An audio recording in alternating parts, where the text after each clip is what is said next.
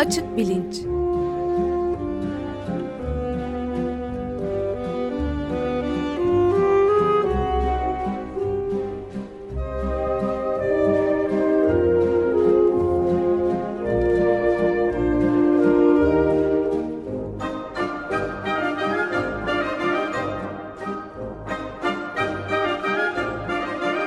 Güven Güzeldere ile bilim ve felsefe sohbetleri.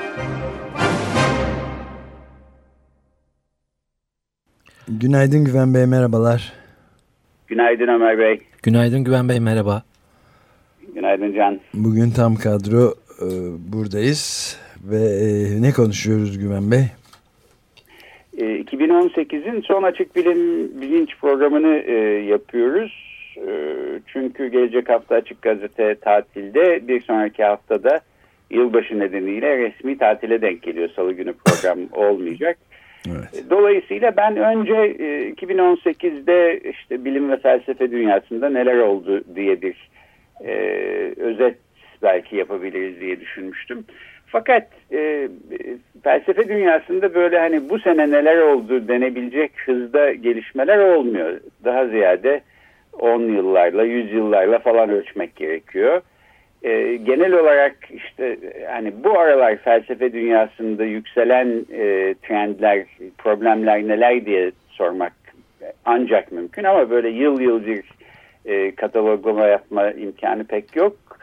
E, bilim dünyasında ne olduğunda aslında birkaç programda bilim dünyasındaki gelişmeler adıyla adı altında aktarmaya çalışmıştık. O yüzden ee, şöyle düşündüm 2018 biterken bilim ve felsefe e, de genel olarak neredeyiz e, nasıl bir yere ulaşmış durumdayız ve gelecek yakın gelecek en azından öngörebildiğimiz yakın gelecek nasıl gözüküyor biraz bunlardan bahseden bir genel program yaparak 2018'i böyle kapatalım diye düşündüm. Evet. Ee, Şimdi söyleyebileceğim en temel şey aslında şu. E, bilim büyük ölçüde e, bugüne kadarki haliyle dünyada ne nasıl oluyor e, araştırmış, anlamaya çalışmış durumda.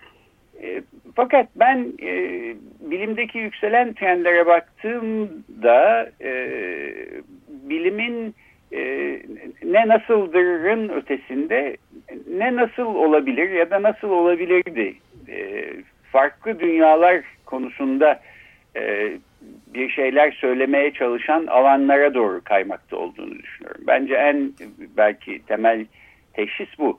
E, niye bunu düşünüyorum ya da ne anlama geliyor bu söylediğim?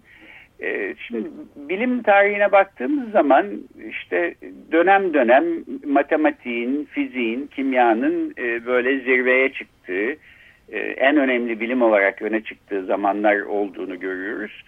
20. yüzyılın sonu, 21. yüzyılın başı şu içinde olduğumuz dönem bence e, en çok biyolojinin, genetikçi biyolojinin özellikle e, ve yapay zekanın ve cyborg teknolojilerinin yani insan makine arayüzlerini araştıran ve bir şekilde genetik biyolojiyle sentetik e, yapay zekayı e, bir araya getirmeye çalışan teknolojilerin yükselmekte olduğu bir dönem olduğu düşüncesindeyim.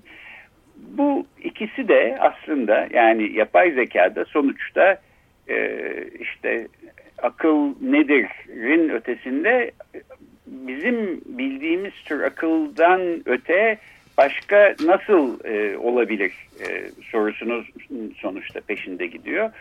E, genetikçi biyoloji de öyle. Yani 2018 senesinin belki en önemli bilimsel gelişmelerinden bir tanesi işte e, yaklaşık bir ay kadar önce e, Çinli bir e, genetikçi biyoloğun e, anons ettiği e, CRISPR teknolojisi denilen e, yani biyolojik yöntemlerle bakterileri kullanarak e, genler üstünde kesme biçme e, yapılan bir yöntemle e, ilk defa dünyada e, bir insan embriyosu üstünde değişiklik yaptığı e, haberiydi.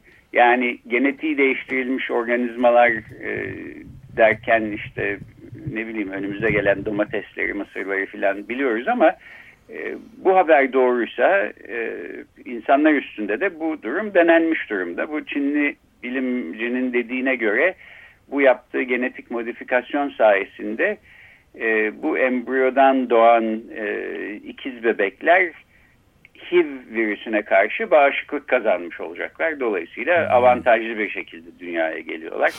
Fakat tabii daha önce de söylediğimiz gibi bu tür genetik değişikliklerin e, başka nasıl sonuçlara yol açabileceği, nasıl yan etkileri olacağı konusunda e, kesin bir bilgiye kimse sahip değil. Dolayısıyla e, bu tür araştırmaların etik olarak sakıncalı yönleri var.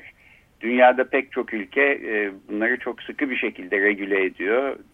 Amerika Birleşik Devletleri'nde izin verilmiyor mesela bu tür e, çalışmalara.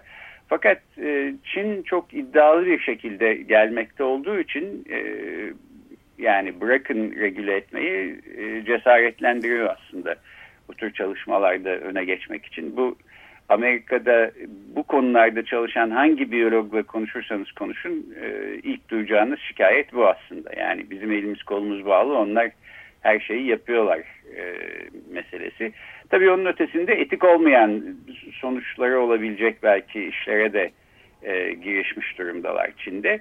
Ama bu da dediğim gibi yani dünyada ne nasıl anlamanın ötesinde başka ne nasıl olabilir anlamanın bir e, yolu e, etik olmayan e, sakıncalı kısımlarını e, göz ardı etmeden e, söylüyorum. E, çünkü sonuçta genetiği değiştirilmiş insanlar yaratırsanız bugünkünden bizden e, bildiğimiz e, insan cinsinden çok daha farklı yaratıklarla belki karşı karşıya geleceğiz. Bunun bizi nasıl bir geleceğe götüreceğini kestirmek güç.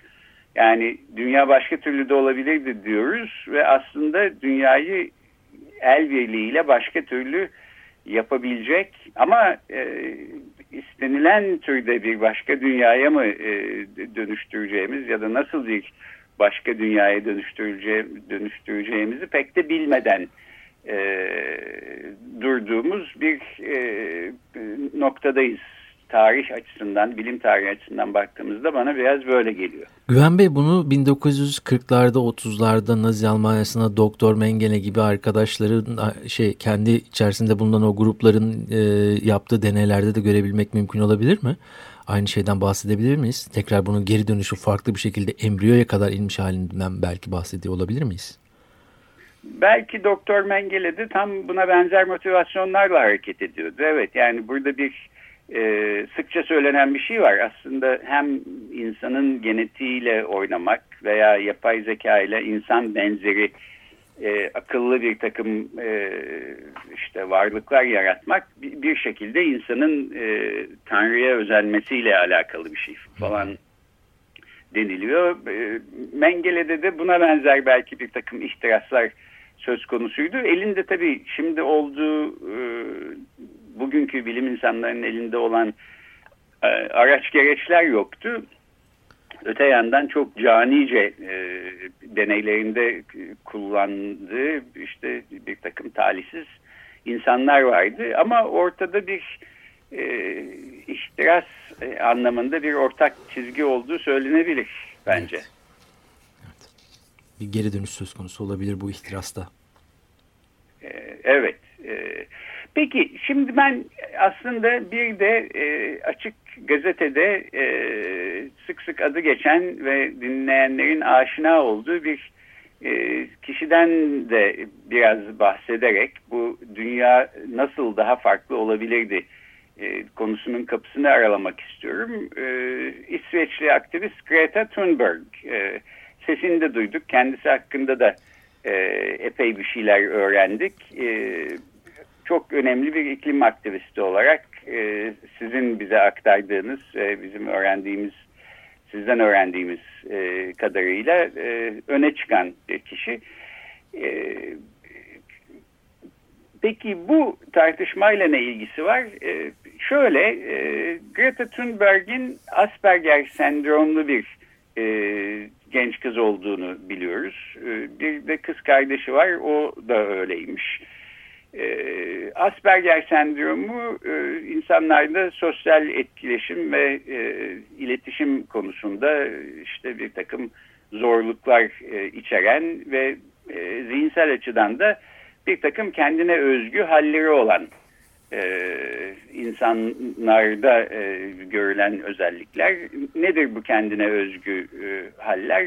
İşte mesela bazı konularda e, bazı konulara takıntı derecesinde ilgi göstermek ve başka insanların e, ayrıntı olabilecek, ayrıntı gibi görebileceği şeyleri e, amansız bir ilgiyle peşini bırakmadan sonuna kadar her şeyini öğrenip o, o konuyu dibine kadar araştırmak mesela. E, Asperger sendromu genel olarak e, otiz, otizm yelpazesi içinde yer alıyor. Fakat e, otizm yelpazesinde de yani hayatlarını bir destek almadan kendi başlarına sürdürmesi zor olan insanlar olduğu gibi e, işte bu yüksek işlevselliğe sahip e, denilen e, kendi başlarına hayatlarını sürdürebilen e, yelpazenin öbür tarafında yer alanlar da var. Yelpazenin bu kendi e, başlarına hayatlarını sürdürebilenler tarafında yer alanlarına yakın e, kısmında Asperger sendromu. E, şimdi, Greta Thunberg'den bahsettim. Niye? E, e, iklim aktivistliğinde Greta Thunberg'in e, çok kendine özgü bir tarz var. Yani e, neler yaptığına, neler söylediğine, e, nasıl konuştuğuna baktığımızda ben bunu görüyorum. Görmezden gelemiyorum daha doğrusu. E, kendi hakkında yazılmış birkaç yazıya baktım. E, orada yazılardan bir tanesinde annesi diyor ki Greta bu iklim meselesine 9 yaşındayken takıldı ve o gün bugün e, hiç ara vermeden iklim konusunda ne var ne yoksa okudu e, ve bu ilgisini işte bir şekilde bir aksiyona, e, bir eyleme döndürmek gerektiğine karar verdiği zaman da bu iklim e, protestolarına başladı. Sahiden e, Greta'nın nasıl konuştuğuna baktığımız zaman da çok açık seçik, net e, işte yani bizim benim için bunlar siyah beyazdan ibarettir. Burada e, gerçekten acil bir e, eyleme geçilmesi gereken bir durum var. E, öyledir de böyledir de diyecek e, bir durum yok şeklinde çok net cümleler duyuyorum ben. Hatta biraz şeyi de andırdığını söyleyebilirim. Benim çocukluğumda izlediğim ve seyrettiğim bir televizyon dizisi olan Uzay Yolunda Mr. Spock diye bir karakter evet. vardı. E, yalnızca mantıklı olan şeyleri söyleyen bir kişiydi. Şimdi Mr. Spock gerçek hayatta olsa ve bugün aramızda olsa e, işte hani Greta'nın söylediklerine benzer bir şeyler belki söylerdi. E, iklim konusuna belki bu şekilde yaklaşmak lazım. Bizim yaklaşımımız büyük ölçüde e, bir başarısızlık e, çizgisi gösteriyor ve giderek e, aciliyeti artan e, e, acayip bir duruma e, doğru yaklaşıyoruz. E, peki buradan da aslında sormak istediğim şey şu. E, Greta Thunberg gibi insanlarla e, öyle olmayan e, bizleri, normal kelimesini söylemek istemiyorum ama neyse işte çoğunluğu oluşturan bizleri ayıran aslında e, çok küçük genetik farklar var. Ya da işte e, yine e, öyle olmayan büyük çoğunlukla Down sindromuna sahip olan insanları çok küçük bir genetik fark ayırıyor. Bu genetik fark öbür türlü de olabilirdi. E, kolaylıkla olabilirdi. Yani e, hatta e, şöyle gelecekler tahayyül etmek de mümkün. E, küçük bir mutasyon neticesi mesela bugünden itibaren dünyada doğan bütün çocukların Asperger sendromlu olduğunu düşünün. E, ya da Down sendromlu olduğunu düşünün. Böyle bir durumda işte 5-6 nesil sonra e, öyle olmayan eski kuşaklar e, elenip gittiklerinde çünkü dünyanın e, yazgısı böyle e, yalnızca Asperger sendromu insanlardan oluşan e, bir dünya e, tahayyül edebiliriz. Bu, bu biyolojik açıdan aslında e, çok ince dengelerin çok küçük e, değişikliklere yol açmasından ibaret. E, her ne kadar hem insanlık hem dünya için çok büyük bir farktan bahsediyor olsak da. ve aslında belki şunu sormak mümkün. Yani peki öyle olsaydı işte Greta Thunberg gibi insanlardan oluşan bir nüfus dünya da var olsaydı e, bugün olduğumuz yerden daha farklı bir yerde olur muyduk? Ya da dünya nasıl bir yere gider öyle bir ge gelecekte? Burada tabii şunu söylemek istemiyorum. Yani e, iklim meselesine duyarlı ve vicdanlı bir insan olmak için Asperger sendromuna sahip olmak gerekmiyor. Ya da Asperger sendromuna sahip olanlar illa duyarlı veya vicdanlı insanlar olmuyorlar. Ama ee, özellikle genetik teknolojilerle insanların genetiğinin değiştirilmesi söz konusu olduğu zaman böyle bambaşka kendi elimizle belki sebep olacağımız fakat e, nereye gideceğini de tam şimdiden öngöremediğimiz bir takım e, farklı geleceklere e, farklı geleceklerin eşiğinde duruyor olabiliriz. E, benim 21. Ee, yüzyıl başı itibariyle e, genel teşhisim bu. Evet.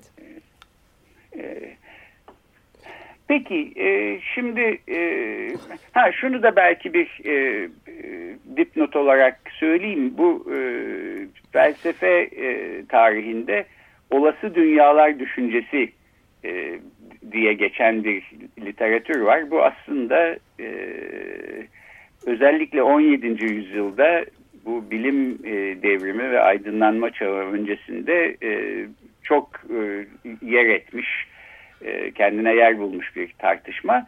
E, bir zamanlar büyük ölçüde ilahiyatın ve din felsefesinin tartışması. Çünkü işte dünyayı Tanrı tasarladı ve yarattı başka türlü yaratabilir miydi? Ya da evrenin başka köşelerinde başka dünyalar var mı? Şeklinde formüle edilip soruluyor. E, bu soruyu soran belki en önemli düşünür felsefe ve bilim tarihinde e, Alman matematikçi ve felsefeci Leibniz. E, yani kendisi bir taraftan kalkülüsü e, icat edecek hı hı. ya da keşfedecek diyelim kadar önemli bir matematikçi bir yandan e, işte sürekli Newton'a itiraz edecek e, derecede e, gök bilimlerinden haberdar bir yandan çok önemli bir felsefeci bir yandan da ilahiyatçı bir e, tarafı da var. E, ve bu konuları daha önce din felsefesi serisi yaptığımızda söylemiştik. Eğer e, bu tek tanrılı üç semavi dininin e, en temel e, ön kabulü olan e, Tanrı'nın her şeyi bilir, her şeye kadir ve içinde kötülük barındırmayan bir varlık olduğu e, ön kabulleriyle başlarsak buradan e, dünyada olan biten e, kötülükleri ya da olmaması gerektiğini düşündüğümüz şeyleri açıklamamız çok zor e, hale geliyor. Leibniz'in de zaten başka tür bir dünya olabilir miydi sorusunu sorarken e, cevap vermeye çalıştığı şey bu. Yani Tanrı'nın e, eğer e, her şeyi bildiğine ve her şeyi yapabileceğine ve içinde kötülük barındırmadığına inanıyorsak e, bundan daha iyi bir dünya tahayyül edemememiz gerekir. E, olabilecek en iyi dünyayı yaratmış olması gerekir Tanrı'nın. Burada tabii insanlara özgür irade verdiği için belki biz dünyayı bozduk falan. Yani başka pek çok argüman var bu din felsefesi serisinin kısmı. Ama bu olası dünyalar düşüncesi e, ta bundan 400 sene önce de insanların çok e, kafasını e, meşgul etmiş bir konu. Bugün ise e, ilahiyattan bilime kayarak aslında e, kendi elimizle değiştirebileceğimiz dünyaların ve oluşturabileceğimiz olası yeni dünyaların ne olduğu şeklinde ortaya yeniden çıkıyor. Evet. E, bir de belki şunu söyleyebilirim, e, gelişmekte olan yeni bir bilim dalı, astrobiyoloji, e, bundan da e, geçmiş bir programda bahsetmiştik. Harvard Üniversitesi'nden e, Doktor Betül Kacar e, bir astrobiyolog konuğumuz olup anlatmıştı. Evrende dünya dışındaki başka e, yerlerdeki olası yaşam formlarını araştırıyor astrobiyoloji. E, bilim o tarafa doğru da gidiyor ve bence e, gelişen teknolojilerle birlikte astrobiyolojiye belki astropsikoloji, astronöroloji falan da katılacak. Yani dünyada bir şekilde ortak noktaları olan e, akıllı e, mekanizmalar görüyoruz. Her ne kadar bambaşka evrimsel çizgilerden gelişmiş olsalar da işte, havada uçan kargalar da, denizin dibindeki ahtapotlar da, karada yaşayan primatlar da belli bir takım e, ortak e, zihinsel mekanizmalar gösteriyorlar. Buna yakınsak evrim e, deniyor. Ama e, ve bunun altında da belki aynı ve bir e, fiziksel dünyada yaşıyor olmamız ve bu fiziksel dünyanın bir şekilde evrimsel çizgileri şekillendirmesi yatıyor. E, fakat tabii böyle olmak zorunda değil. Evrenin değişik yerlerinde değişik e, bambaşka fiziksel koşullar altında gelişen, evrimleşen e, akıllı canlılar e, bizlerden çok çok çok farklı ve belki tahayyül bile edemediğimiz türde psikolojilere, e, sinir sistemlerine, biyolojilere sahip olabilir. İşte astrobiyolojinin yanında belki astropsikoloji, astronöroloji ve bilişsel bilimde eklenerek e, bu tür araştırmalar herhalde e, yapmaya yöneliyorlar. Evet, evet. Şimdi, az bir zamanda kaldığı için şeyde yani iklim yıkımı açısından da bir yandan politikacılar dans edip e, sıçrayıp hopluyorlar. Çok başarılı olduk diye. Kopenhag'daki şey, Kopenhag diyorum Katowice'deki bir iklim zirvesinde bir yandan da e, fizikçiler özellikle bu önemli fizikçilerin hepsi çok ciddi uyarıları bir ardından patlatıyorlar yani.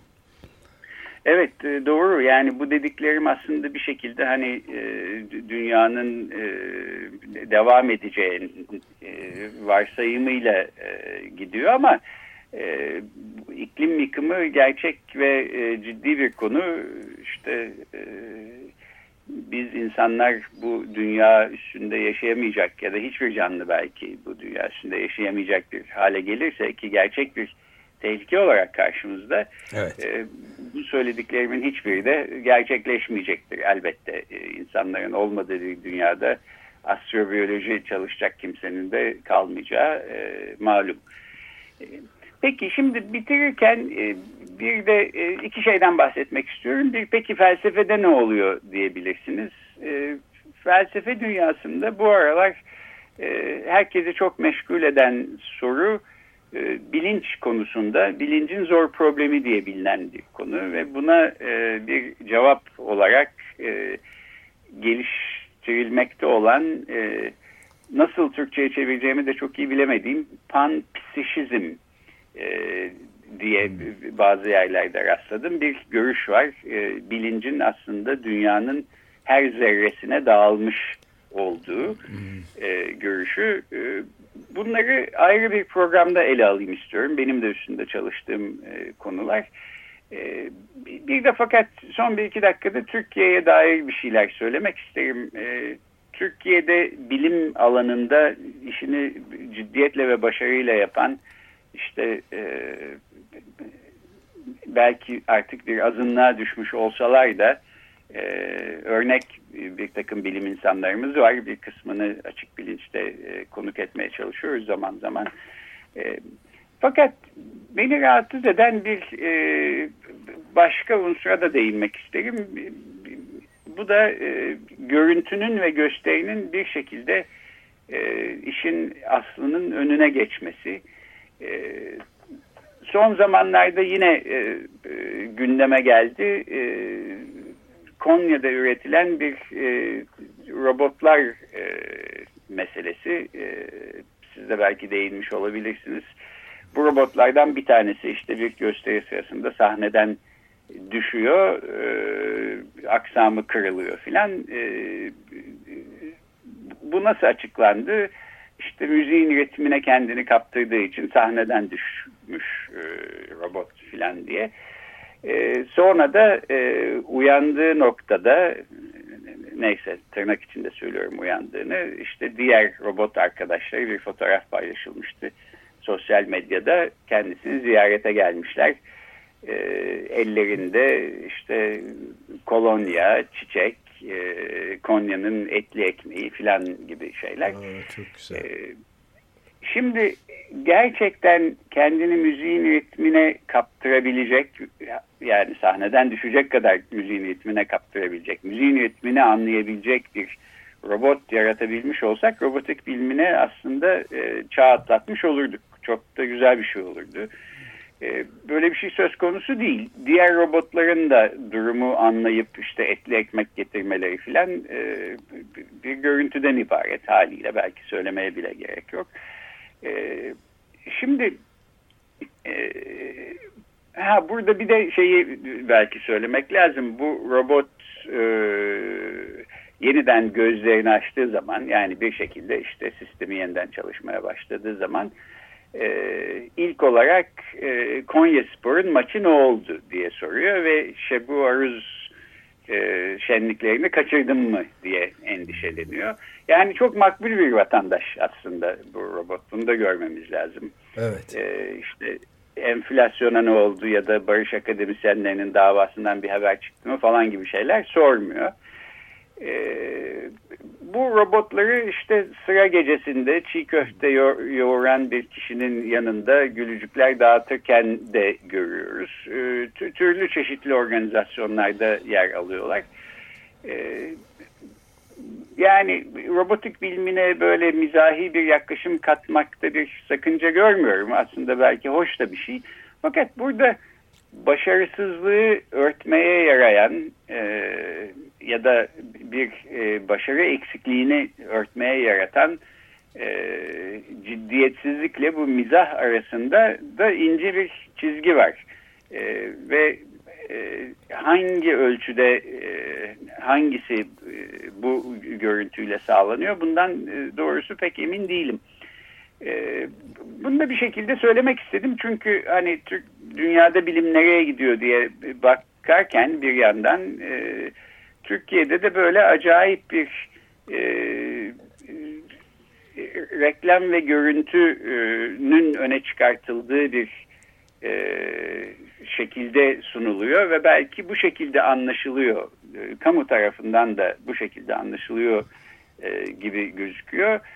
E, oysa e, bunun ölçütü uluslararası bilim dünyasında bu işleri e, yapan e, işte dünyanın çeşitli ülkelerinde, çeşitli yerlerinde yapan insanların hakemliğine sunulması yapılan işlerin. E, yerli ve milli bilim biraz da tam bu yüzden olmuyor. Bilimin evrensel özelliği itibariyle. Ben e, robotik literatürüne baktığım zaman bu Konyalı robotların e, robotik bilimine katkı sunan e, herhangi büyük bir başarısı olduğunu e, göremiyorum. İnşallah olurlar. Yani evet. e, çiğ köfte yoğuran insanların e, yanında işte promosyon e, kuklası gibi durmanın ötesinde de bir şeyler e, yapabiliyorlardı. Bu Konya'daki e, robotik e, araştırma merkezi çok büyük ve çok paralar e, harcanan bir merkez. E, fakat ne olduğunun ölçütü dediğim gibi işte bu e, bu tür e, aslında içi boş görüntüden ibaret olan e, reklamlar değil e, uluslararası alanda e, bu işin uzmanlarının e, hakemliği önünde e, neler yapılabildiğinin e, ortaya çıkması. Evet. evet, süreyi de bitirdik bu şekilde. E, evet, uzadı biraz kusura bakmayın. Açık, açık Bilincin son programını yapmış olduk. E, ben şimdiden herkese e, iyi bir e, yeni yıl dileyim. E, bir sonraki programımız 2019'un e, ikinci haftasında e, olacak galiba. E, o zamana kadar hoşçakalın. Görüşmek üzere. Çok teşekkürler. Görüşmek üzere. Görüşmek üzere. Olay nasıl oldu? Sahnede heyecanlandım bir anda kendimi yerde buldum. Sonrasını hatırlamıyorum. Konya Spor'un durumu ne oldu? Süperiz kardeş. 8. sıradayız. Bugün günlerden ne? Şebu Aruz töreni ne zaman kaçırmadım değil mi? Kaçırmadın o tarihe kadar ayağa kalkmış olursun. Mühendislerimiz seni 15 Aralık'taki fabrikamızın teknik gezisine yetiştirecekler merak etme. Ben neredeyim burası neresi? Kardeşim aramızdasın Akın Robotik sesin bizleri korkuttun çok geçmiş olsun.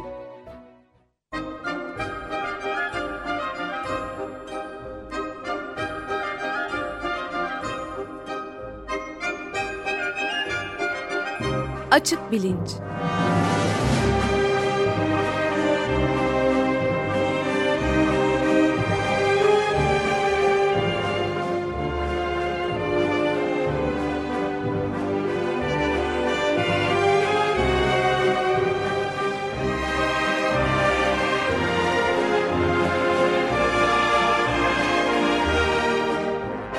Güven Güzeldere ile bilim ve felsefe sohbetleri.